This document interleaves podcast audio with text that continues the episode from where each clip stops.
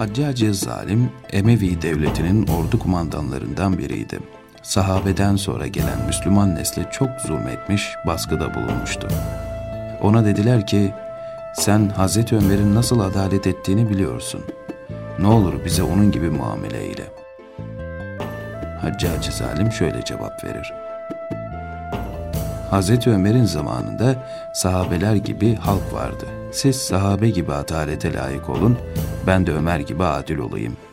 Siz sahabe gibi adalete layık halk olmuyorsunuz ama benden Ömer gibi adil olmamı bekliyorsunuz. Yağma yok. Sizin gibi halka ancak benim gibi kumandan gerekir. Layıkınız budur.''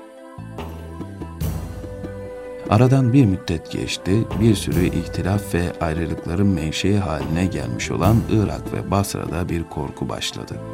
Sebebi Haccac'ın ordusuyla Irak'a geleceği söylentisiydi. Halk toplanmış, zamanın din büyüğü meşhur veli Hasan Basri Hazretlerine gitmişti. Ona şöyle diyorlardı. Ey muhterem zat! Sen bize bir akıl ver, ne yapacağımızı işaret buyur. Haccac ordusunu toplamış buraya geliyormuş. Buraya gelirse olacaklar malum. Kimimiz buradan kaçmalıyız diyor, kimimiz de kaçmayıp beklemeliyiz diye diretiyor.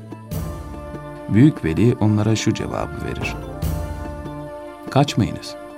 Zira arkanızdan erişir, sizi kılıçtan geçirir.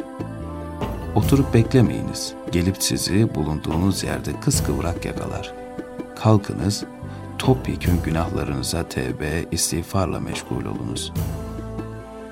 Zira sizin başınıza gelmek üzere olan bu musibet, sizin günahlarınızın sebebiyle yola çıkmıştır. Haccac bir vasıtadır.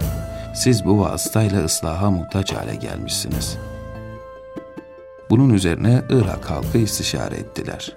Gerçekten de bir sürü zulme, haksızlığa girdiklerini, konu komşu hakkı gözetmez, ahlaki ve İslami ölçülere itibar etmez olduklarını itiraf ettiler. Derhal herkes tevbe, istiğfar ederek Allah'a yalvarmaya başladı. Ya Rab, biz Haccac gibi birinin zulmüne müstahak olduk. Sen bizim kusurumuzu affeyle. Günahımızı itiraf ediyor, ihtilaf ve tefrikalara artık son vermek istiyoruz.'' Cami ve mescitlerde, ev ve kırlarda gözyaşı dökerek ve istiğfara devam eden halka birkaç gün sonra şu haber gelir.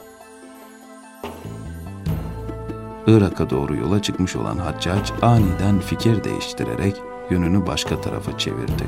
Buraya gelmekten vazgeçti. Hak kulundan intikamı yine abdiyle alır.